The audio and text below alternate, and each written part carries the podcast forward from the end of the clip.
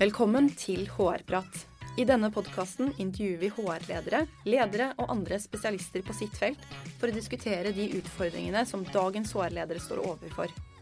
Vi tar opp temaer innen ledelse, organisasjon, arbeidsrett og praktiske utfordringer innen HR. Mitt navn er Lene Gjevert, og jeg jobber som HR-manager i Visma. Velkommen til ny episode av HR-prat. Dagens tema er teknologi, og for å snakke om dette har vi invitert Arne Krokan. Velkommen til deg. Tusen takk. Kan ikke du begynne med å fortelle oss litt om deg selv? Det er sånn uh, gammelt spørsmål. Fortell alt om deg selv. Ja, Du trenger ikke å fortelle alt, men uh, ja, ja, ja. du kan utlate det. Jeg er, jeg er sikkert en sånn pussig skrue. Jeg, uh, jeg, trodde jeg skulle bli psykolog da jeg var ung, og så ville ikke psykologene ha meg, så da flyttet jeg i en etasje opp i blokka på Blindern, og så ble jeg sosiolog. Ja. Og det har jeg stort sett vært siden. Så tok jeg eh, også etter hvert doktorgrad i medievitenskap.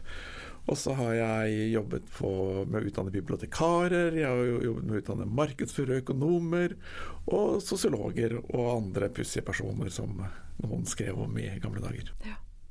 Og så har jeg bier. Ja. og driver med ølbrygging. Ja. Så det er sånn uh, En god kombo. Ja.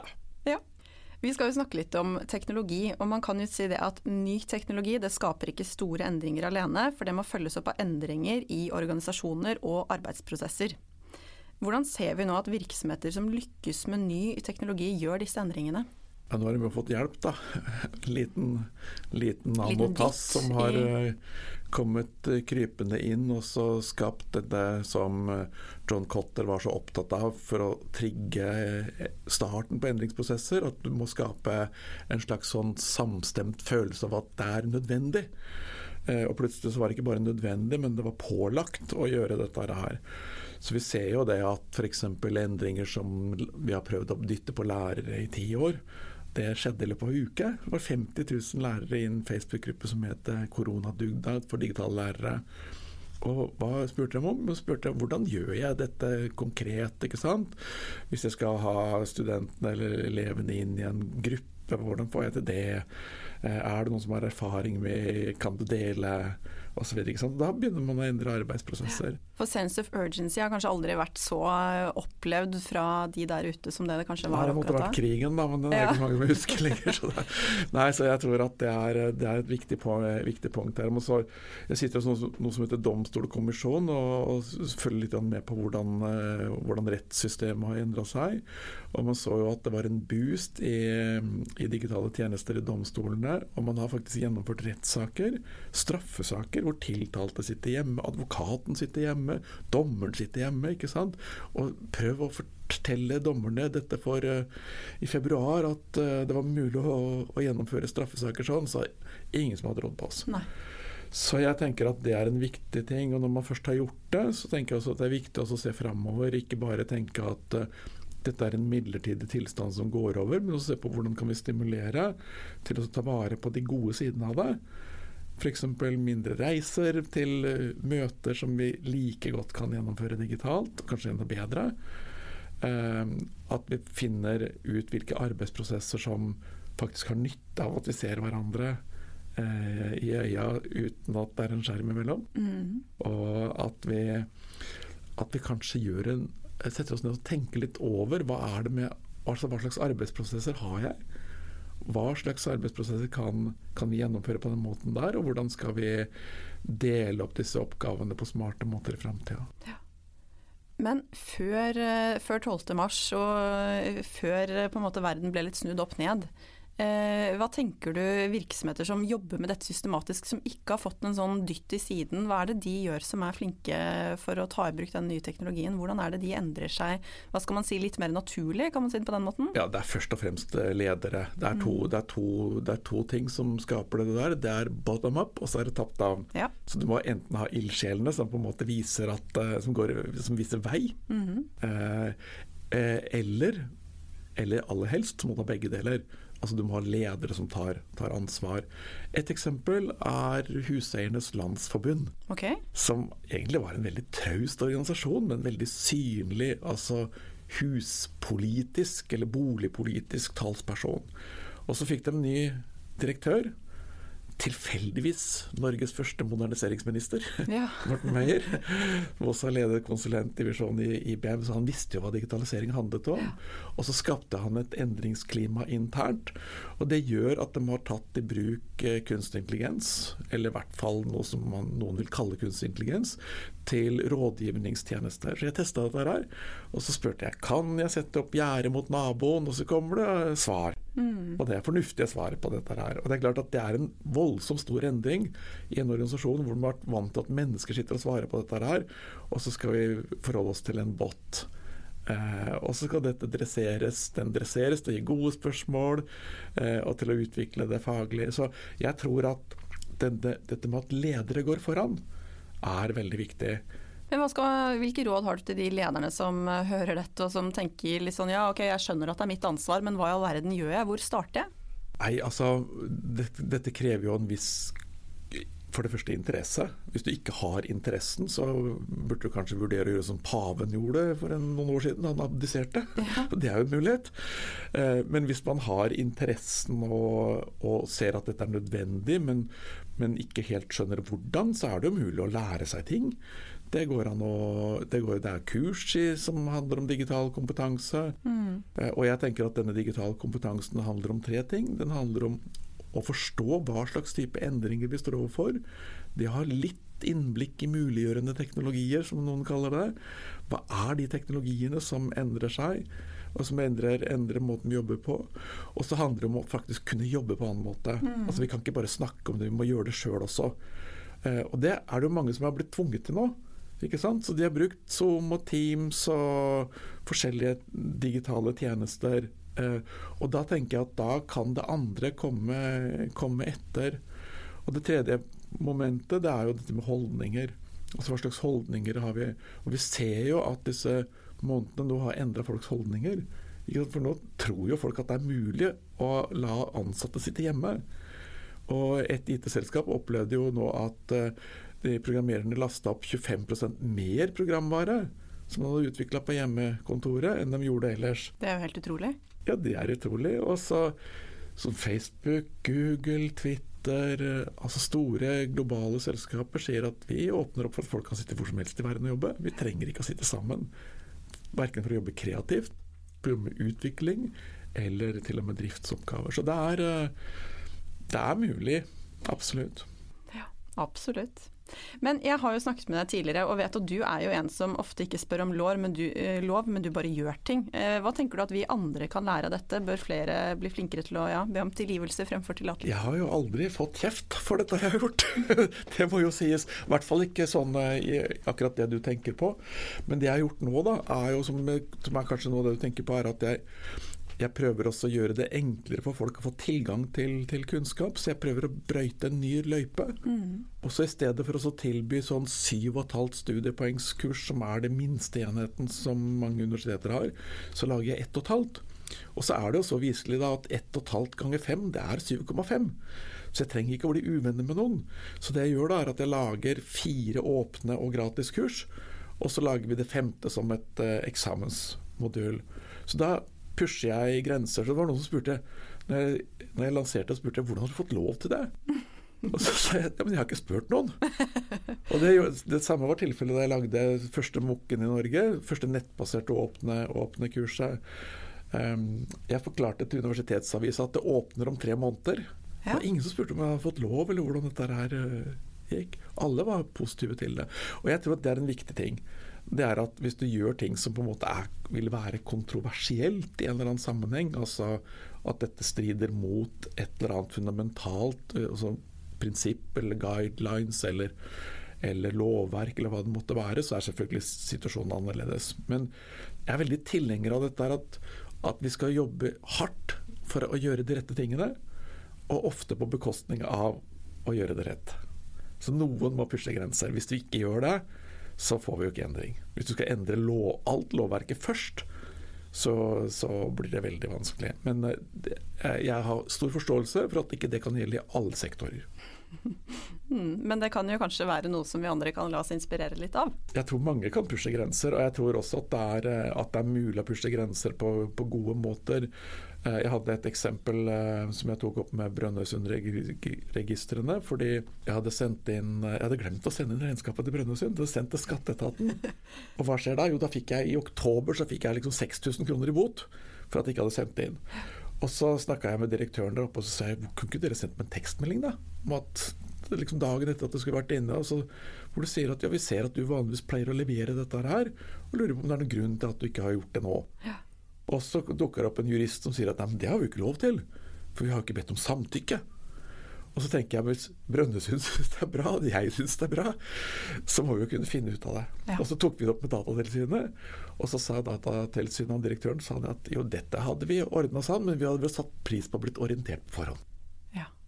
Så går, jeg mener at vi kan, vi kan tvike det til mye, altså hvis vi bare vet hva problemet er. Eh, og så finner vi eh, smarte måter å håndtere det på. Mm, absolutt. Eh, vi var litt inne på det i stad at i løpet av denne våren så har jo mange virksomheter opplevd at både arbeidshverdag og arbeidsform blir snudd om helt. Og så var vi litt inne på virksomheter som utnytter det på en god måte. Eh, hva tenker du, holdt på å si, det er jo selvfølgelig Rammevilkårene er ulike, og noen har måttet permittere og hatt det kanskje mer krevende enn andre. Men hva tenker du om de som kanskje ikke har utnyttet det på en så god måte, de som fortsatt har noe kanskje potensial å hente ut fra den situasjonen vi nå er i? Ja, det er ikke så lett å, lett å gi råd til noen som ikke, ikke, utnytter den muligheten som er der, eh, og kanskje heller ikke ser, ser behovet for det. Mm. Men, men, jeg er jo positivt overraska over hvor mye som har endra seg, og hvor mange som har endra seg. Uh, og hvordan man har prøvd å, å, å, tvike det til på et eller annet vis. Mm. Men, men, jeg tenker at uh, altså hvis man jobber i en sektor som er konkurranseutsatt, så vil man møte behovet før eller senere uansett. Uh, og da er det to utfall av den. Enten prøver du å, å gjøre ting på smartere måter, eller så blir du borte. Ja. Det skjer selvfølgelig ikke i offentlig sektor. Det er ingen som kommer til å legge ned offentlig sektor av den grunn, så de er mindre konkurranseutsatte. Men, men jeg opplever ikke at offentlig ansatte er noe mindre innovative enn andre på dette området her. Nei. Men er også opptatt av, der av å, er av å jobbe smart og få til ting og skape utvikling. Så, så kanskje trenger vi en ny runde ved korona. ønske oss det om fem år? Ja, jeg vet ikke helt om alle som hører på er helt enig i det. Men vi kan jo fort tenke at på et eller annet tidspunkt så skal vi tilbake til den normale hverdagen. Kanskje blir det ikke like uglesett å være på hjemmekontor en gang iblant. Men tror du det kan være en liten felle å ha som mål at alt skal bli som før? Ja, det tror jeg det er. Jeg tror ikke alt blir som før. Det kan ikke bli som før. Nei. Så vi ser jo liksom nye smittevernregimer. og Vi ser jo det positive med det. Folk er mindre syke. Det er, det er færre hjerteinfarkt til og med. ikke sant? Altså det, er, det, har så store ringvirkninger. Og så er det én ting til som vi kanskje glemmer oppi dette her. Og det er at mange av de endringene vi har sett nå, det, det er vi nødt til å ta likevel. Av klimahensyn. Mm. Altså Av bærekraftshensyn så er vi nødt til å gjøre dette her. Så vi er nødt til å endre arbeidsformer. Vi er nødt til å reise mindre. Vi er nødt til å jobbe smartere, bruke mindre ressurser. Utnytte ressurser på andre måter. Og Hvis vi kan tenke oss at dette her på en måte har gitt oss en slags sånn forsmak på hva vi kan oppnå man ser at I byer, store byer i verden så ser man tvers over byen. Ikke sant? Det er mindre forurensning. Altså det, har, det har store positive effekter. Så jeg tror at vi må spinne videre på det. Og så må vi eh, tenke at det nye normale er faktisk eh, noe av den tilstanden som vi har vært gjennom, og noen av de arbeidsprosessene og væremåtene som vi har ment oss til. da. Mm. Og så kan man jo også tenke at de store virksomhetene som nå har sagt at nei, ansatte kan jobbe hvor de vil for evig og alltid, at det er kanskje også litt sånn ekstrem. Da har man vært kanskje litt rask med å konkludere at det passer ikke oss. Hvordan kan man finne den gylne middelveien som er riktig for sin virksomhet, tror du? Nei, jeg, jeg, tenker at når Telenor sier at folk kan få velge å jobbe hjemme, så er det et valg man gir folk. Man sier ikke at du skal jobbe hjemme. Nei. Noen vil være i en sånn tidlig livsfase hvor de kanskje ikke har lokaler til det. De har barn som flyr rundt og styrer. Og, eh, og så trenger de denne prosessen der å sosialiseres med andre inn i en type virksomhet og bransje og næring. Så, men så har du for andre igjen, da, så kanskje har en times reisevei og vel så det. Eh, og som kan tusle ned på et hjemmekontor og har uh, infrastruktur for det. Så jeg tenker at vi kommer til å se mye mer variasjon. Mm. Og så vil noen, noen, virksomheter de vil være av typen sånn som Apple var da man starta. Alle sitter rundt samme bord, og når det skjer noen ting, så står sjefen oppå bordet og kauker så alle sammen hører og ser akkurat det samme. Altså Vi må ha noen sånne sånne whiteboard-firmaer også. Så må vi ha noen firmaer som, er, eh, som gjør det. Jeg tror vi kommer til å se mye mer variasjon og mye mer aksept for ulike løsninger mm. for forskjellige personer. Eh, gitt ulike behov, ulike muligheter. Kanskje virksomheter gjør litt mer sånn som deg og bare tenker dette her er klokt. Jeg har ikke spurt om lov, eller dette er ikke sånn som alle andre virksomheter gjør, men dette er riktig for oss, så, så vi prøver det. Det er mye man ikke trenger å spørre om lov for. Hvis ja. du ser at det funker, så kan man gjøre dette her. Og så ser man at det er Altså Måten endring er iscenesatt på, man ser at det også begynner å skje på andre måter enn det som kalles for samstyring. Et godt eksempel på det det er da ledere i Skatteetaten, eh, Brønnøysund og Finans Norge fant ut at til sammen så har jo vi alle dataene folk trenger å legge inn når de skal søke om boliglån. Det er bare det at de er i tre forskjellige siloer. Så satte de seg ned. Politikerne hadde ikke bestilt noen ting. De hadde ikke fått noen penger av noen. Men de har jo masse penger sjøl. Så sa jeg da lager vi den løsningen. Ja. Og så gjorde de det. Og så ble det kalt samtykkebasert lånesøknad. Det er sånn typisk offentlige ja. eh, merkelapper på ting som man lager. Eh, og så er funksjonen den at du kan egentlig få svar på en boliglånesøknad i løpet av noen sekunder, fordi dataene hentes ut fra de registrene med ditt samtykke. Og Det kaller man samstyring. ikke sant? At kloke ledere setter seg ned, og så har vi tillit til at de vil oss vel. Altså brukerne, kundene av de tjenestene, og ikke bare seg selv vel. Mm. Så jeg tror vi kommer til å se mer sånne ting, kanskje. Jeg håper at vi får se mer av det. Og jeg tenker at HR har jo en eksepsjonelt viktig rolle her i å legge forholdene til rette. Finne ut i hvilke situasjoner er det dette funker. Hva slags krav skal vi stille til ledere? Hvordan skal ledere backe opp altså de menneskene som er på kontoret sitt hjemme? Ikke sant? Så man skaper en tilhørighetsfølelse. Eh, og jeg er del av organisasjoner hvor man har tirsdagsmusikk. Man hører på samme gamle LP-en ja. på tirsdagslunsjen. Man har fredagspilsen på Zoom. Eh, så det er mulig å gjøre det, altså. Absolutt. Før vi runder av, hvilke tre råd har du til HR-ledere som hører på for at de skal lykkes med å endre de virksomhetene de er i, og styrke de for fremtiden? Altså jeg, jeg, tenker at uh, altså det viktigste for, ledelse, for, ledere er å gjøre andre mennesker gode. Mm det er jo å gjøre dem i stand til å, til å Så jeg, jeg, tenker at det ene rådet er å se på hva slags kompetanse er det man trenger for framtiden, og hvordan skal vi skaffe oss den kompetansen. Og hvordan skal vi tenke ikke bare det neste året, men de endringene som kommer i, i løpet av de neste fem til ti årene. For vi vet at det er store endringer. Jeg har bl.a. studert matproduksjon av alle rare ting jeg har en viss interesse for. Um, og det gjelder både endringer som er i tradisjonelt landbruk, men det gjelder enda mer spesielt endringer som har med eh, måter å skape proteiner på, hvor man nå er i stand til altså, å ta en stamcelle ut av kua, og så kan du lage burger av den stamcella ved hjelp av eh, peanøtter og bønnerskudd også som nærings, næringsstoffer. Men uh, ved en amerikansk tenketank så har de funnet ut at Eh, hvis denne teknologien skaleres opp, og det gjør den, den er allerede, det er selskaper som gjør dette her, og de selskapene de piker jo på børsen. De er jo doblet i verdi siden jul. Mm. Uh, og uh, så, er man også, så vil man være i en situasjon om ti år at disse proteinene vil koste en femtedel. Og det er kjøtt vi snakker om. Mm. Det er bare lagd på utsida av kua. Og tenker jeg, Som HR-leder har du ikke også et ansvar for å forstå hva slags retning eh, utviklingen tar?